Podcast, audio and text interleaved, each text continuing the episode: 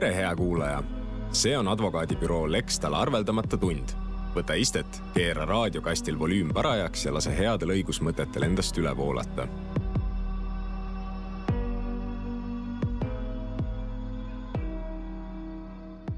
tervist, minu nimi on Hando Sinisalu ja tere kuulama saadet Arveldamata tund arveldamata tund on advokaadibüroo Lextali podcast, mis viib kuulaja audiorännakule õiguslikes küsimustes ja päevakohastes aktuaalsetes teemades.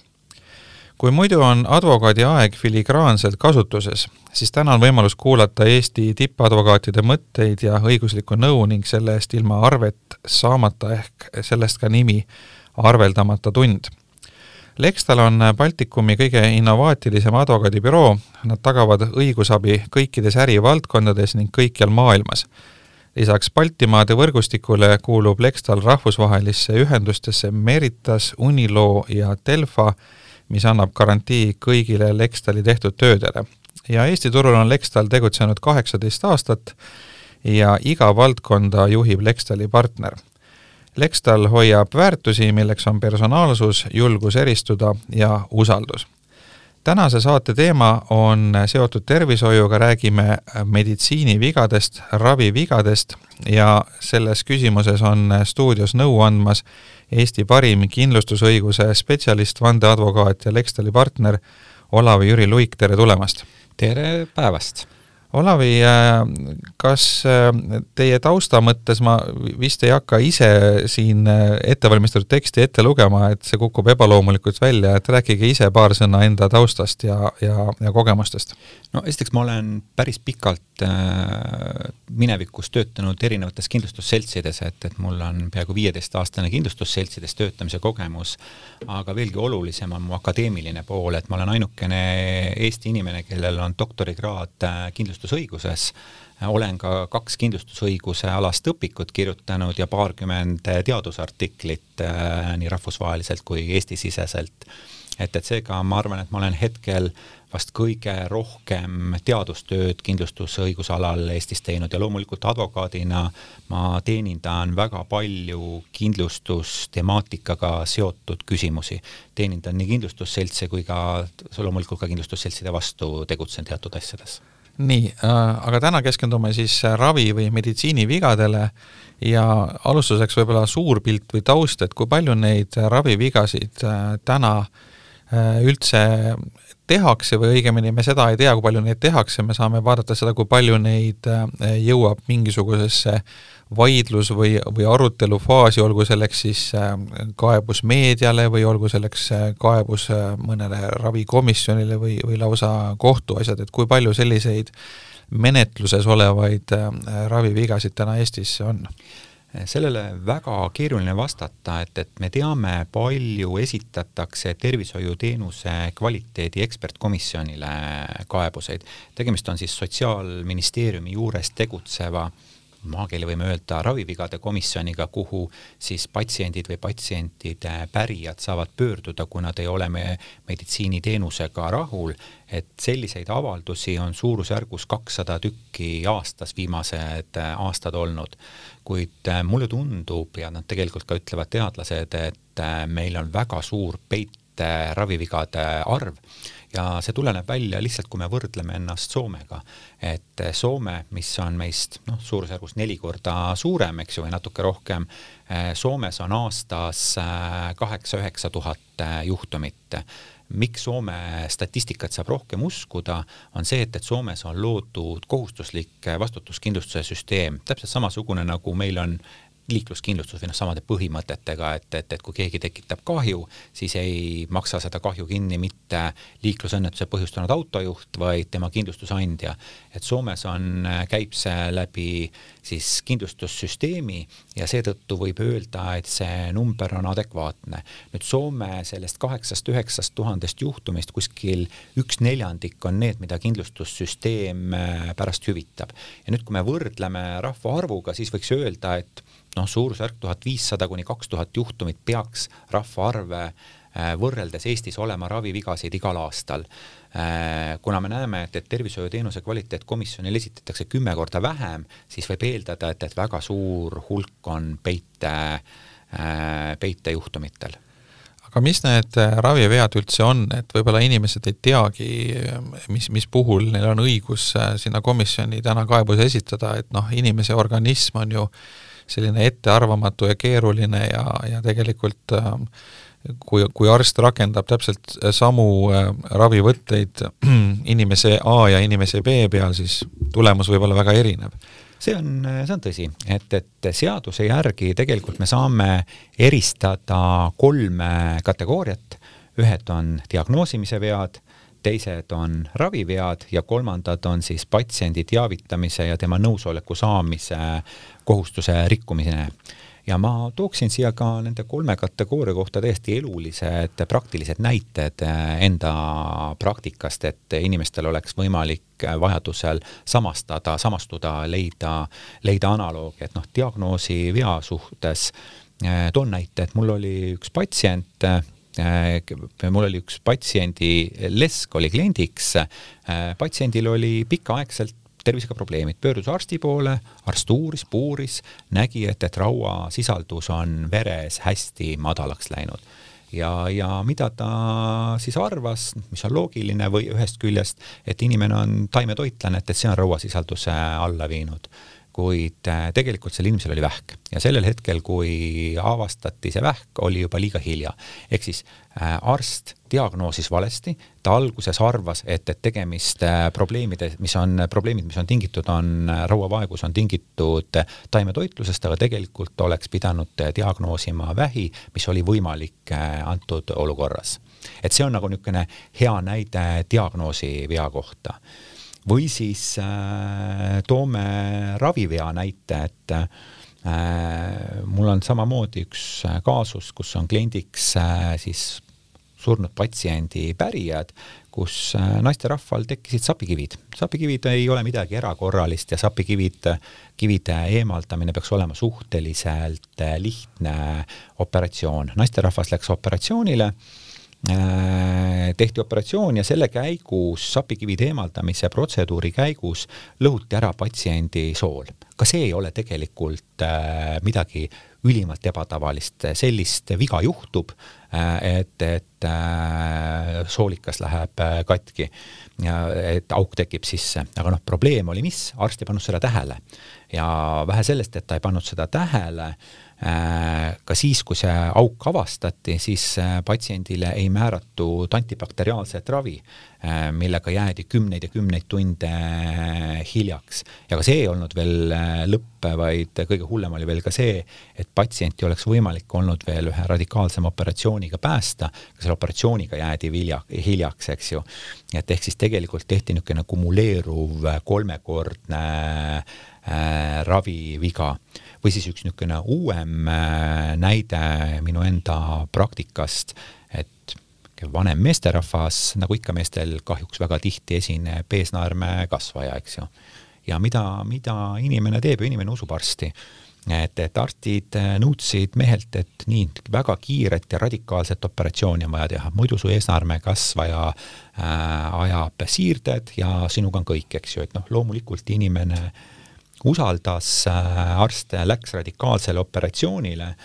selle radikaalse operatsiooni tagajärjel tekkisid väga rasked tüsistused. et noh, sisuliselt niimoodi inimkeeli öeldes äh, meesterahva kõhu peale tekkis inimese pea suurune song, mis veritses. et noh, pildid on päris, äh, päris karmid nüüd hilisemalt teiste spetsialistidega suheldes selgus, et äh, tõsi, sellel meesterahval eesnäärmekasvaja oli, aga rahvusvahelised ravijuhised näevad ette, et, et sellises staadiumis äh, eesnäärmevähiga operatsioone üldse ei tehtagi. et see ei ole näidustatud, et tavaline eluiga sellises vanuses mehele on sama pikk ka ilma operatsioonita, teda tuleb jälgida, anda ravimeid. et, et ehk siis teisisõnu äh, Äh, see operatsioon juba algusest saadik ei olnud leevendav ja takkotsa tekkis see tüsistus selle songa,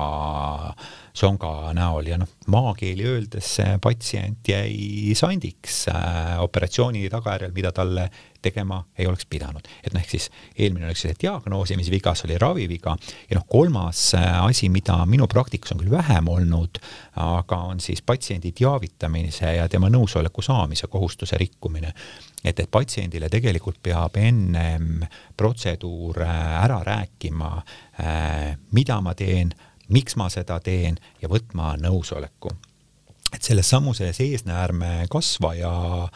näite puhul äh, Äh, oleks patsiendile räägitud, et rahvusvahelise ravijuhise järgi sul ei peakski üldse operatsiooni tegema, äh, siis oleks patsient saanud teha kaalutletud ja õige otsuse. ta oleks saanud ise öelda, et kuulge, miks te teete mul operatsiooni, kui rahvusvahelised ravijuhised näevad ette, et operatsiooni ei tehta. et noh, selline,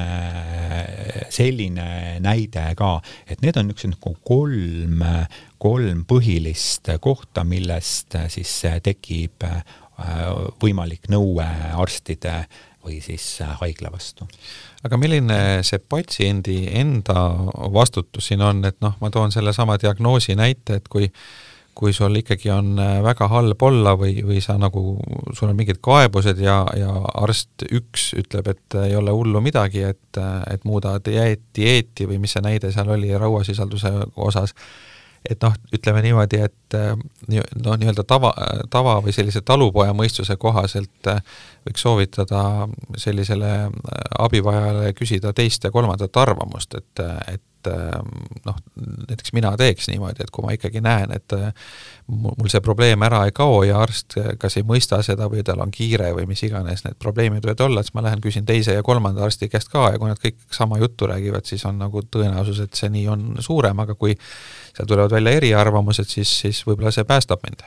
Äh, tõsi, äh, olen ka ise äh, mõnegi tervisevea puhul käinud mööda mitut arsti, kuna mind ei ole rahuldanud esimese või teise arsti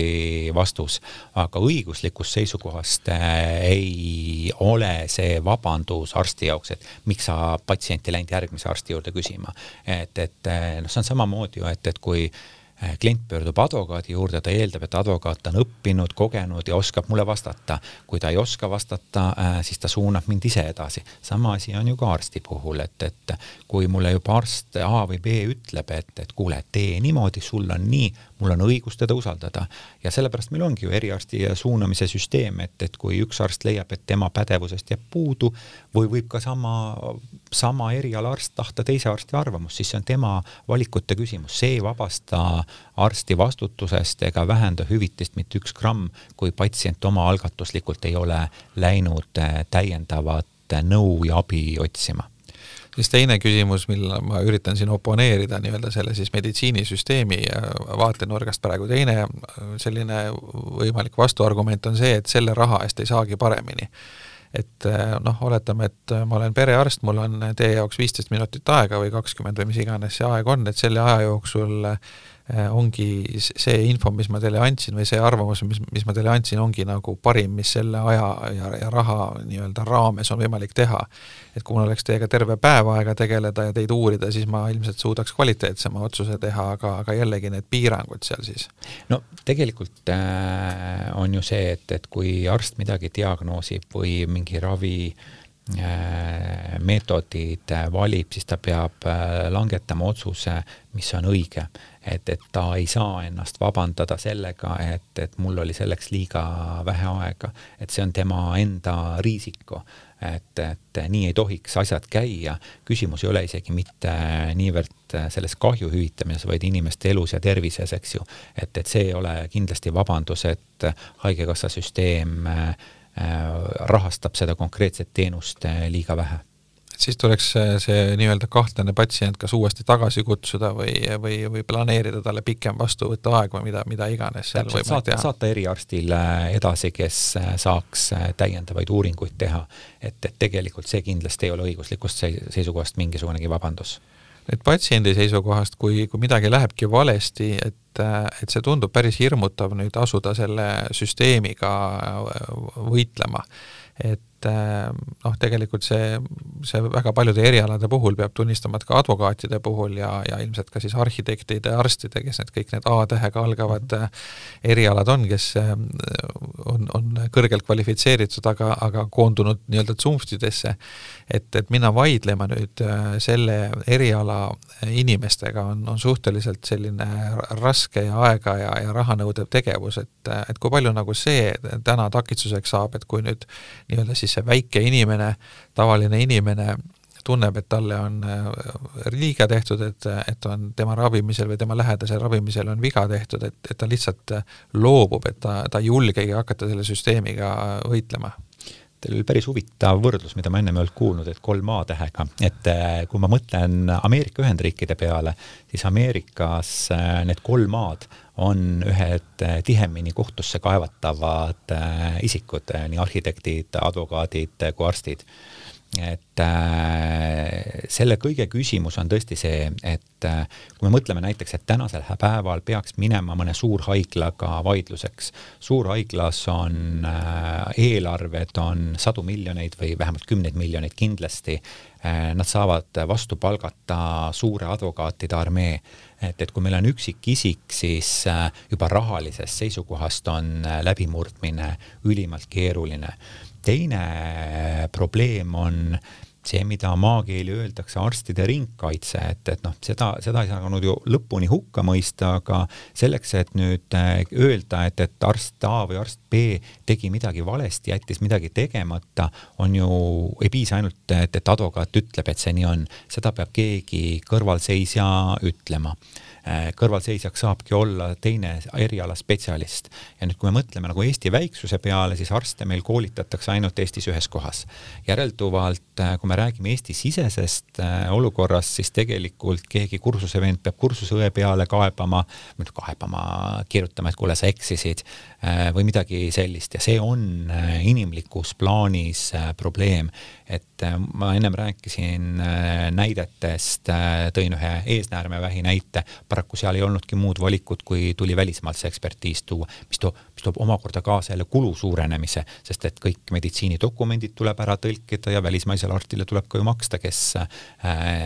arvamuse kirjutab et, et ehk siis tegelikkuses tänasel hetkel patsientidel on erakordselt raske nii finantsiliselt kui ka sisuliselt äh, vaielda. nüüd, äh, mis on see koht äh,, mis seda leevendab, et, et kui me tuletame meelde äh, siis Eesti Vabariigi eelset aega või Eesti Vabariigi esimesi aastaid üheksakümnendatel, siis liiklusõnnetuste puhul ju reeglina äh, kas klatiti koha peal või äh, jäeti üldse hüvitis küsimata, nii kui tekkis kindlustussüsteem, koheselt äh, muutus see hüvitamine lihtsamaks, et tegelikult selleks, et äh, hüvitised oleksid kergesti kättesaadavad, äh, on hädavajalik, et väljatöötamisel olev patsiendikindlustuse süsteem rakenduks Eestis. et ehk siis arstidel tekib jutumärkides liikluskindlustus, kus arstidel on kohustuslik vastutuskindlustus, kus äh, patsient, kes tunneb, et, et äh, temaga on midagi valesti käitutud, pöördub siis vastava asutuse poole, kindlustussüsteemi poole, kindlustussüsteem äh, siis kontrollib ja kui on viga, siis maksab hüvitise. siin on ka see asi, et sellisel juhul ei tule see hüvitis ka otse arsti taskust, ka siis ei teki teki seda, et, et suur,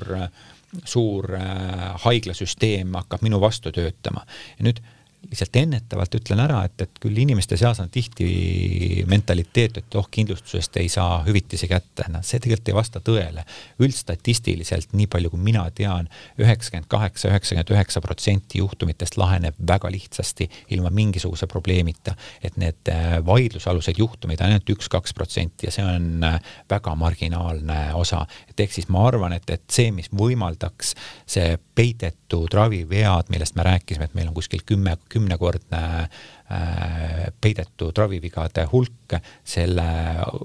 ja inimesed paratamatult kannatavad, nad ei saa enda tervist korda, nad ei saa hüvitist kätte ja nii edasi, et, et selle lahendus oleks äh, siis kohustusliku vastutuskindlustuse, patsiendikindlustuse näol süsteemi rakendumine aga millal see patsiendikindlustuse süsteem teie hinnangul võiks rakenduda, et vot see on praegu töös, aga, aga oskate te umbes välja pakkuda ka mingi tähtaja? ma ei oska tähtaega välja pakkuda, et, et tegelikult see eelnõu sai juba enne Covidi kriisi valmis ja siis tekkisid poliitilised mullistused, nagu ikka niisugustes kohtades, et, et esiteks kindlustussüsteemil äh, tekkis umbusk äh, natukene riigi suhtes seoses teise samba teemaga äh, ja, ja kuskil on nüüd olukord, et, et see eelnõu, mis on valmis, seisab. selle eelnõu puhul on nagu, mis on nagu, millest tuleb aru saada, et selle süsteemi rakendamine on tegelikult päris kallis. et kindlustussüsteem peab tegema päris suured investeeringud ja noh, arusaadavalt, et eraettevõte, kes teeb süsteemi investeeringut, tahab kindlust, et see süsteemi poole aasta pärast või kolme aasta pärast lammutama ei hakata. eks ju, et, et kuskil seal need eh, poliitilised küsimused on, et ma täpselt ei oska öelda, eelnõu kui selline oli valmis ja minu arvates päris eh, hea juba, mis oleks suur samm olnud edasi võrreldes tänase päevaga. Aga täna on ju võimalik arstidele endale osta ka vabatahtlik vastutuskindlustus ehk et, et ikkagi või siis ka raviasutustel,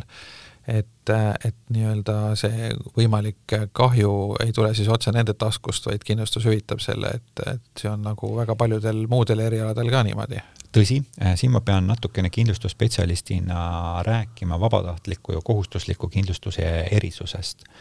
et kui vabatahtlik kindlustus äh, Äh,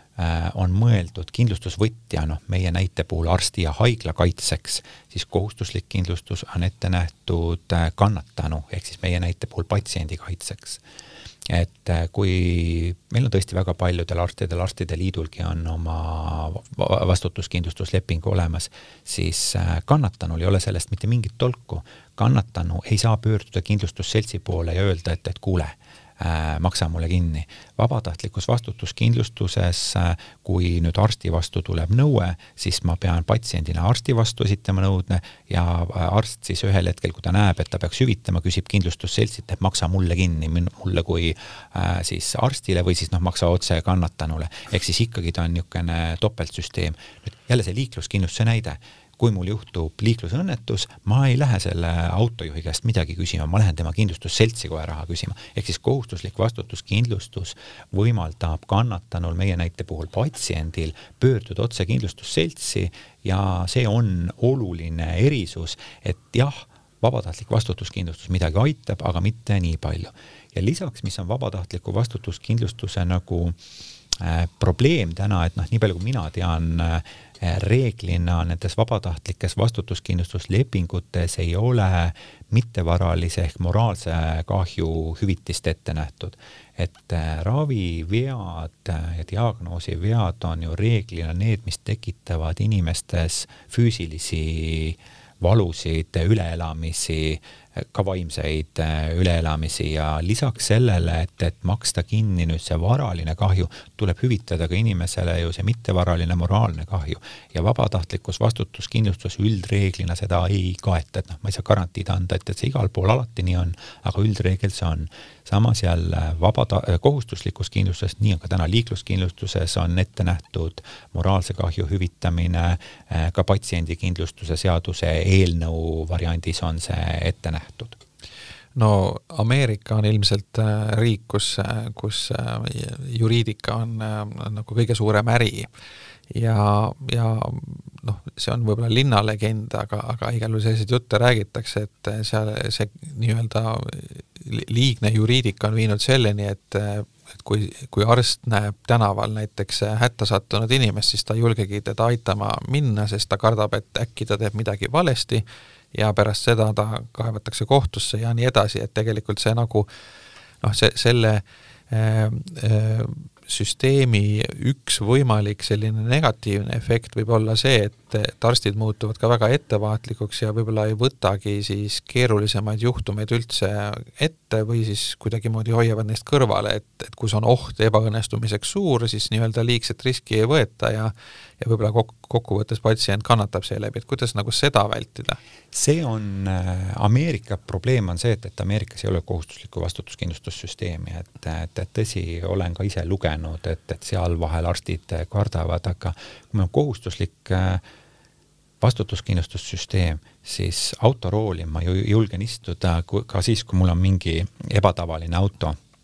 ehk siis see maandab tegelikult ka minu kui siis kindlustusvõtja hirme palju rohkem, sest et minu viga äh, kompenseeritakse kindlustussüsteemi poolt, et loomulikult on mingisuguseid juhtumeid, mida ei kompenseerita, et, et tekitan midagi tahtlikult või noh, autode puhul, et olen purjus, noh, arsti puhul samamoodi, et et, et sellisel juhul kindlustussüsteem kahju hüvitaks, aga küsiks arstilt tagasi. et tegelikult see Euroopa või õigemini Põhjamaade lähenemine, et läbi kohustusliku vastutuskindlustussüsteemi see lahendada, see on õige. et ja noh, mitte ega see jah, tõsi on see, et, et see hirm USA-s tuleneb isegi mitte need varalise kahju hüvitamisest, et varaline kahju on ju suhteliselt lihtsasti mõõdetav, inimesel on vaja ratastooli, kodu ümber ehitada, need on mõõdetavad. mittevaraline kahju või moraalne kahju on väga subjektiivne ja Ameerikas on tõesti äh, päris palju väga suuri hüvitisi, et ma olen siin uurinud näiteks ilukirurgial tehtud vigade puhul mediaanhüvitis moraalsel kahjul on kuussada tuhat dollarit, mis on nagu üüratu summa. aga siin tuleb ka jälle aru saada, et Euroopa ja äh, Ameerika lähenemine on nagu öö ja päev ja noh, Eesti on selles osas ikka väga vaeslaps, et mittevaralise kahjude puhul, moraalse kahju puhul Eestis läbi ajaloo suurim kohtu kaudu mak-, välja makstud hüvitis oli sada kakskümmend viis, või välja mõistetud õigemini, hüvitis oli sada kakskümmend viis tuhat eurot ja see baseerus ka omaksvõtul. et, et tegelikkuses Eestis äh, Äh, mittevaralise kahju hüvitised äh, suure, jäävad suuremad sinna viiekümne tuhande kanti, on pigem väiksemad. Äh, ja, ja noh, need on küll summad suured, aga need ei too kaasa äh, nagu seda suurt hirmu, et ma lihtsalt toon võib-olla kaks näidet selle viiekümne tuhandeste hüvitiste puhul, et, et oleks aru saada äh,. minu endal oli üks klient, kes äh, kellel ammuga lasti silm välja, ammunool läks ajust läbi, inimene küll vaimselt jäi kõik korda, aga füüsiliselt jäi silmast ilma, mõisteti viiskümmend tuhat välja ja mõned aastad tagasi oli Kopli tulistajate kaasus, kus Koplis turvamehi tulistas üks äh, kurjam ja seal mõisteti ka ühele turvamehele viiskümmend tuhat välja reeglina on need hüvitised siiski olnud natukene väiksemad kui see viiskümmend tuhat, et on, vabandust väljendusest, aga nõndanimetatud köögiviljaks jäänud inimese puhul olnud ka hüvitised kolm-nelikümmend tuhat, eks ju, et see mittevaralise kahju hüvitis on väga natuke loominguline protsess, et seal ei ole seal ei ole Eestis mingeid tabeleid, mille järgi hüvitatakse, nüüd USA-s on need hüvitised sadu ja sadu kordi kõrgemad. Ja see ongi nagu see, mis USA puhul, nende näidete puhul, mis te tõite, äh, toob seda hirmu kaasa, et Eestis seda, seda hirmu pole, et jah, tõsi, me oleme mittevaralise kahju hüvitised on minu subjektiivsel hinnangul Eestis liiga väikesed, aga nad isegi kasvades äh, on meil Euroopa ja Ameerikani ikka meeletu maa minna aga selle patsiendi kindlustuse seaduse jõustumise puhul pannakse ka paika see mittevaraliste äh, kahjude mingisugused piirmäärad või mingid tabelid? Äh, jah, nende tabelitega on nii, et äh, tegelikkuses kuigi, ma toon jälle liikluskindlustuse näite, et liikluskindlustuse seaduse mälu järgi öeldes paragrahv kolmkümmend kaks sätestab piirmäärad, et väiksem hüvitis on seal sada tuhat, sada eurot, vabandust, ja suurim hüvitis on kolm tuhat kakssada eurot, aga liikluskindlustuse puhul on ka, et tegemist on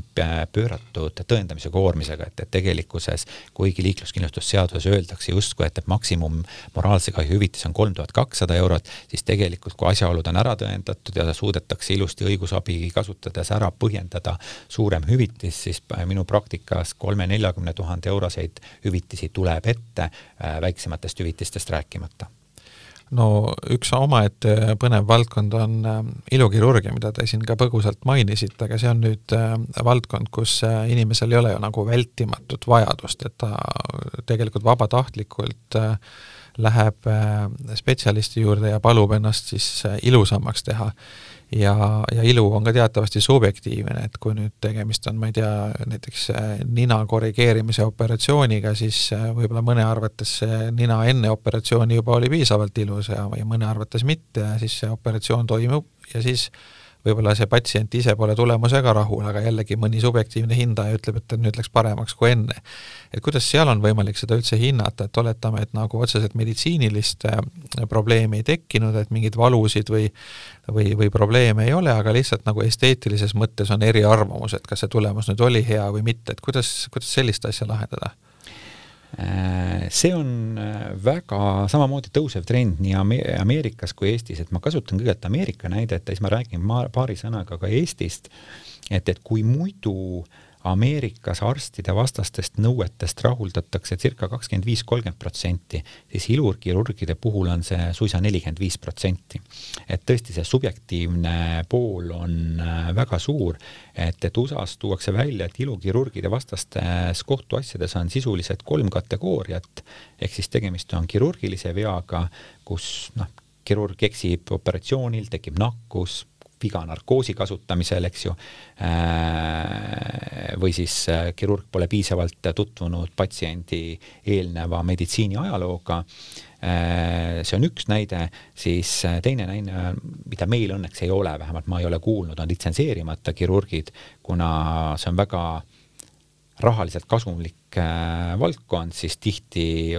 USA-s pakuvad ilu, ilukirurgia teenuseid isikud, kes seda teha ei tohiks. ja kolmas on siis loomulikult vähene kogemus, kuna ilukirurgia on erakordselt spetsiifiline ja ülimalt häid äh, oskusi nõudev, äh, siis, äh, siis vähene kogemus on, eks ju, see üks,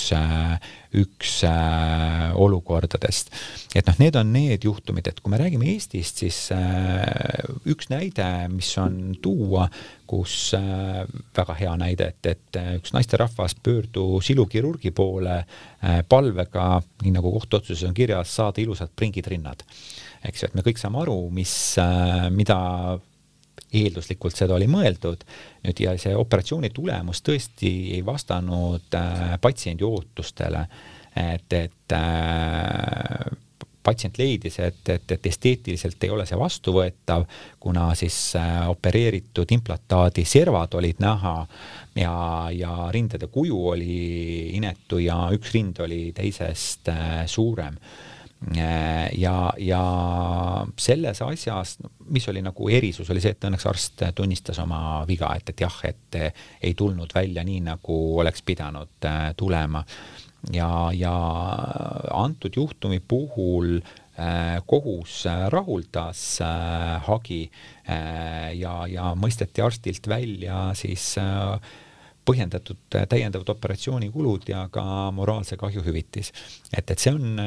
seal on sellistes asjades on väga palju subjektiivset, et, et see näide, mis ma tõin, et noh, tõesti, kui üks rind on suurem kui teine ja implantaadi nurgad, noh, see on kõigile arusaadav viga ja kontrollitav viga. nüüd see küsimus, et, et kas see, et, et mulle ei meeldi see tulemus, ma arvan, et see ei ole see koht, eks ju, et, et tegelikult see äh, esteetiline pool peab olema mõõdetav, et implantaadi serv paistab, on mõõdetav äh,, ilu või koledus on subjektiivne, ehk siis selles kohas nagu ei saa karta, et, et, et äh, saaks nõue tekkida aga suur tänu äh, selle põneva teema lahkamise eest, äh, stuudios oli Lextali partner, vandeadvokaat Olavi-Jüri Luik ja teda küsitles Hando Sinisalu, te kuulasite saadet Arveldamata tund ja kohtumiseni juba uutes saadetes. tänan! See oli Arveldamata tund. tänan, et kuulasid. Saate tõi sinuni advokaadibüroo Lextal, alati personaalne, julge ja usaldusväärne